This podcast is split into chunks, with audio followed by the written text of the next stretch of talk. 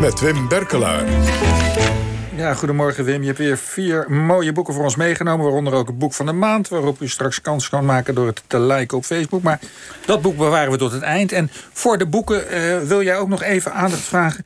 voor een deze week overleden historicus... waarmee jij vaak samengewerkt hebt. Ja, dat klopt, uh, Paul. Het is, uh, het is een historians historian, zoals het in het Engels heet. Het is niet een hele bekende publieke figuur die je ook wel hebt. Het is een een historicus met de naam Pieter van Hees. Die is 20 eh, april overleden, 83 eh, jaar. En die man heeft in, vooral in Vlaanderen een gigantische reputatie. Moet je voorstellen. Uh, Nederland-Vlaanderen, dat is natuurlijk een wereld die helemaal achter ons ligt. Maar ja, daar heeft hij heel veel gedaan. En hij heeft natuurlijk, dat is eigenlijk zijn bekendheid in Nederland... hij heeft heel veel betekend voor het, het werk van de historicus Pieter Geil. Kijk, uh, maar wat bedoel je met Nederland-Vlaanderen? De groot-Nederlandse gedachte? Ja, de groot-Nederlandse uh, gedachte waar hij overigens geen aanhanger van was... maar waar hij wel, en dat is ook terecht, waar hij wel studie van maakte. Omdat, weet je, die groot-Nederlandse gedachte... die is natuurlijk zowel in de Eerste als in de Tweede Wereldoorlog ontspoord... in collaboratie en noem maar op. En niet iedereen uh, collaboreerde, maar er waren een aantal. Daar heeft hij echt studie van gemaakt. Daar wist hij ook veel van. kende veel van die, van die figuren. En hij heeft ooit die klassieker tegen mij gezegd... ja, Wim, weet je wat er raar is? Die mensen die fout zijn, die worden altijd heel oud. Dus hij, dat was altijd een hele grappige uitdrukking. Dus allerlei mensen die in de negentig waren, die, waren dan, eh, die keken nog een beetje nostalgisch terug naar die collaboratie. Maar ja, ja. Op, uh, vele collaboreerden niet. En mevrouw, die, mevrouw Ros van Tonningen en dat soort types. Ja, die, die, die was nog erger, maar dat, inderdaad. Maar die, die, dat genre zat er natuurlijk ook in Vlaanderen. Maar er zat ook natuurlijk veel goedwillende uh, figuren. En, een, en bij die goedwillende hoorde de historicus Pieter Geil, hè, die daarmee mee mhm. sympathiseerde. En daar heeft hij uh, bo ja, boeken uitgegeven, Geil in Vlaanderen, briefwisselingen. Ja, en alles wat Geil aanraakt, dat is mijn persoonlijke mening. Maar ik denk iedereen die die, die brieven kan lezen. Ja, dat, dat, dat is levendig, sprankelend. Dat ergert of, of je, uh, het wekt sympathie op. En dankzij uh, Piet van Hees hebben wij Geil, laten we zeggen, toch nog lang in ons midden gehad. Want hij is 66 overleden. Ja, en anders had er nooit meer over gepraat. Ja, maar jij bent er zelf toch ook mee bezig, Wim? Zeker, en ik heb met Piet van Hees ook die autobiografie uitgegeven. Waarvan ooit de klassieker is geweest, uh, Geil, nomen is omen. De zin die ik wel eens eerder uitgesproken heb... dat iemand mij verbaasd daarvan aansprak... wat Piet ook altijd erg grappig vond. Uh, ja, Wim, ik wist niet dat professoren voor 1940 ook onder de gordel leefden. Ja, dat blijft toch een uh, schitterende uitspraak. Goed, laten we naar de boeken gaan, Wim. Waar begin je mee? Ik begin met uh, een boek uh, geschreven door de medievist Ludo Jongen. Uh, het heet Op weg naar de hemel, God en mens in de middeleeuwen. Um, nou moet ik erbij zeggen, ik heb met dit boek één klein probleem. Toen ik het toen ik het zag, dacht ik interessant. Groot thema, God en mensen in de middeleeuwen. Mm -hmm. Het is ook een goed inhoudelijk sterk boek. Maar weet je, een beetje jammer is? Hij becommentarieert de uitgekozen teksten. Van bijvoorbeeld Jacob van Maarland, Jan van Boedalen. Het zijn allemaal 13 en 14e eeuwse medievisten. Die schrijven mm -hmm. uh, eigenlijk voortdurend over het christendom. Dat vullen ze aan met allerlei uh, apocryfe verhalen. Ze putten uit het evangelie van Jacobus. En uh, al die, die, die, die boeken die niet in de Bijbel voorkomen. Dus daar zijn die, middel, die, media, al redelijk vrij in. Maar wat een beetje jammer is van het boek van Ludo Jonge... hoewel het dus een deskundig en, en begaafd boek is... is dat hij niet een boek à thèse heeft geschreven. Dus je ziet een stuk vertaald uit die middeleeuwse teksten. Mm -hmm. Vervolgens geeft hij daar commentaar op. Maar ik had natuurlijk liever gezeven, dat, gezien dat hij in één, gewoon ons één klap duidde... hoe er in die middeleeuwen over God en mens werd gedaan. De, de, de denkwereld van de middeleeuwen. Ja, dat had ik liever gehad. Een beetje ja. à la Frits van Oosterop deed met Jacob van Maaland. Ja.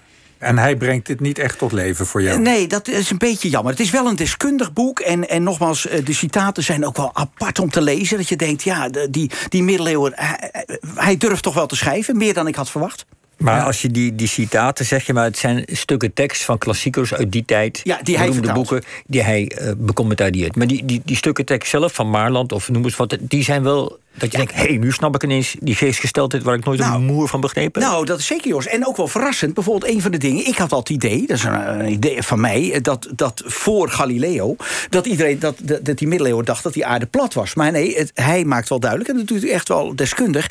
Um, die middeleeuwen dacht wel tegen dat die aarde rond was... alleen die dacht dat dat hele universum om die aarde draaide dat is dan een misvatting van de middeleeuwen. Maar ik dacht, die middeleeuwen denkt dat hij plat is. Dus je leert er wel een hoop uit dat boek. Kijk, volgende, volgende, boek. Uh, ja, volgende ja. boek is compleet anders. Dat is geschreven door Ruud den Drijver, Baron Jack.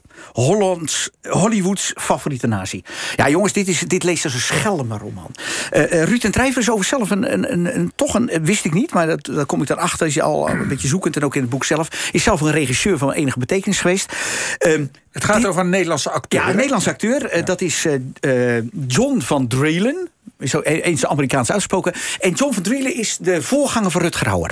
Rutger Hauer, je weet, de man die echt doorbrak uh, met Paul Verhoeven in uh, Hollywood. En die zelf ook gezegd heeft, niet de acteur John van Drielen... maar de figuur John van Drielen, dat hij daar in Hollywood doorbrak. Dat is voor mij altijd een inspiratiebron geweest, mm gebleken. Want je weet hoe moeilijk het is in Hollywood door te breken als Nederlander. Ja. ja en, maar het boek is, weet je, het, het, het interessante van Maar als boek... Nederlander of Duitser ben je toch bijna altijd een schurk of een nazi ja. of een... Uh, ja. Dat is hij dus ook. Maar let op, ik, ik, kwam er, ik, ik was verbaasd, Paul. Er staat natuurlijk dus ook voor de verkoop Hollywoods favoriete nazi. Dat is eigenlijk gezinspeeld op een, een film uh, met Frank Sinatra in de hoofdrol. Uh, Colonel Ryan, die zit in een Italiaans gevangenkamp die ontvlucht. En uh, de, hij wordt achterna gezeten aan de nazi's. En John van Drielen is die nazi die Frank Sinatra, Colonel Ryan, doodschiet. Juist. Een dramatische film. Maar hij speelt in, jongens, in de jaren 80 Dynasty.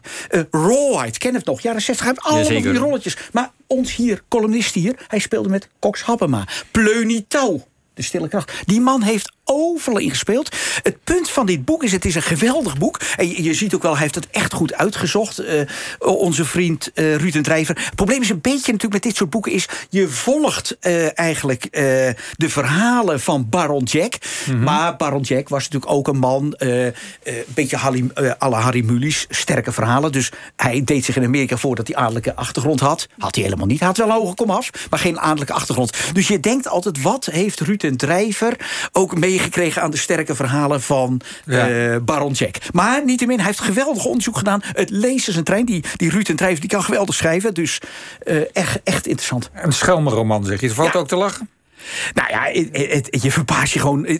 Nou, het is niet te lachen, Paul, maar schelmerman is... je verbaast je dat die man overal en nergens was. Ik bedoel, wij lopen hier een beetje rond uh, te keutelen... tussen Utrecht en Hilversum, Amsterdam en Hilversum. Maar dit is dus een man die overal en nergens komt... die ook nog een oorlogsverleden heeft, moet ik er even bij zeggen. Want, maar dat is het verhaal weer van Baron Jack... dat hij uit een werkkamp in Nazi-Duitsland... hij was toen 2, 23 jaar hij had toen een rolletje in het kamp. Hè. Je, je mm -hmm. had ook toneel in het kamp. Hij liep in zijn nazi-pak, in zijn ho hoogduits, liep hij uit dat kamp. En, en, die rol is je nooit meer kwijtgeraakt. Ja, die rol is nooit meer kwijtgeraakt. Ja. Maar of het dan helemaal waar is... Het is het verhaal van Baron Jack. Maar goed, toch een smakelijk boek. Smakelijk boek. Goed, Wim, volgende boek. Ja, heel anders. Dat is geschreven door een Engels journaliste. Sophie Roberts. De verdwenen piano's van Siberië. Moet je je voorstellen, denk even in Sophie Roberts. Dat is een, uh, een vrouw die in Engeland zit... en die, zoals middelbare scholieren kunnen hebben... die kijkt naar de kaart. En die kijkt naar de kaart van de wereld. Die ziet daar een kolossaal land.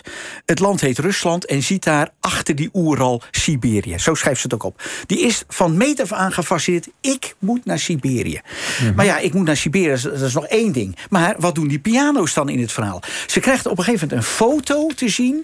van een piano in Kamchatka. Dat is, dat is een soort schiereiland aan het oosten, helemaal bij de Stille uh, Oceaan. Daar ja. ziet ze een piano in het, laten we zeggen, in het ijs. En daar staan tien mensen omheen. En ze denkt, wat doet die piano nou? In Siberië, een piano. Die, die staat buiten? Ja, die staat buiten. Die staat ja. gewoon te spelen. En die mensen, er zijn tien mensen omheen. In Siberië, in die ijzige kou. En dat fascineert haar. En dan gaat ze op zoek naar de verdwenen piano's uh, van Siberië. En eigenlijk is dat een briljant idee. Weet je ja. wel?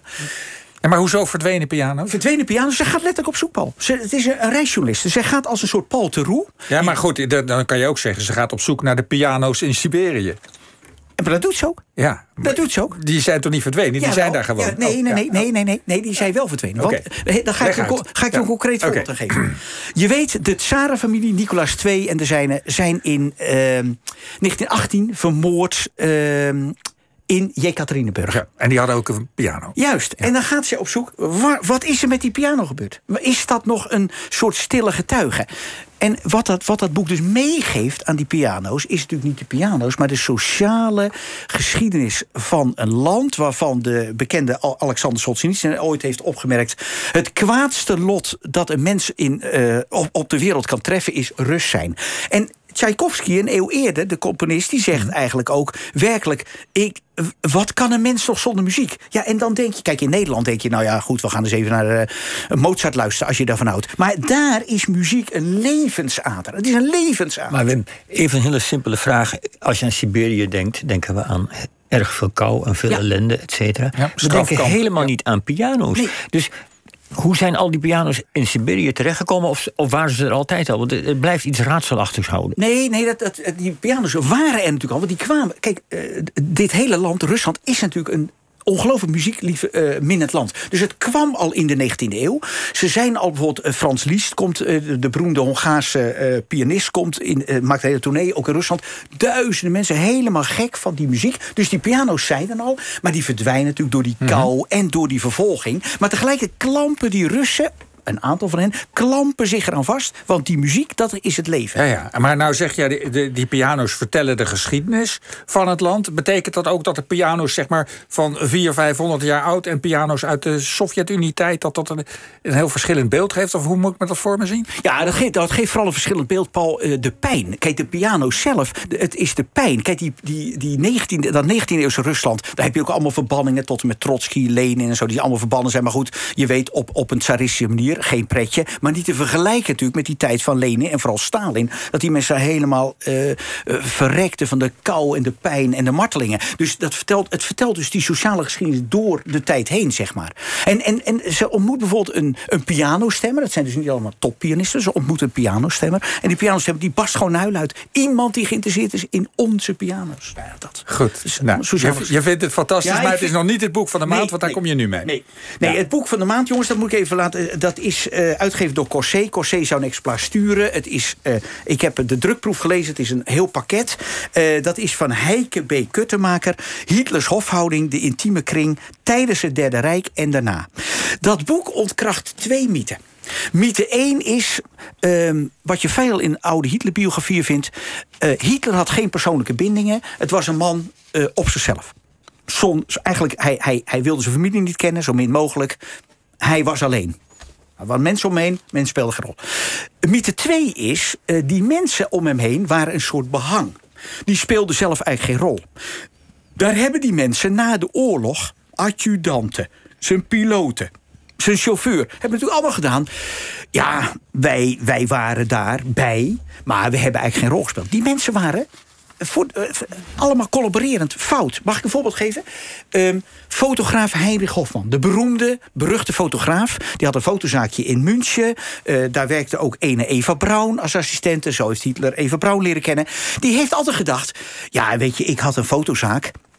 Het was dat ik Hitler fotografeerde, maar het had ook iemand anders kunnen zijn. Nee, toont uh, Guttemaker aan. Die man was, dat waren allemaal volbloed nazi's... die na die oorlog natuurlijk allemaal hun rol geminimaliseerd hebben... en die rol van Hitler groot hebben gemaakt. En die rol van Hitler was...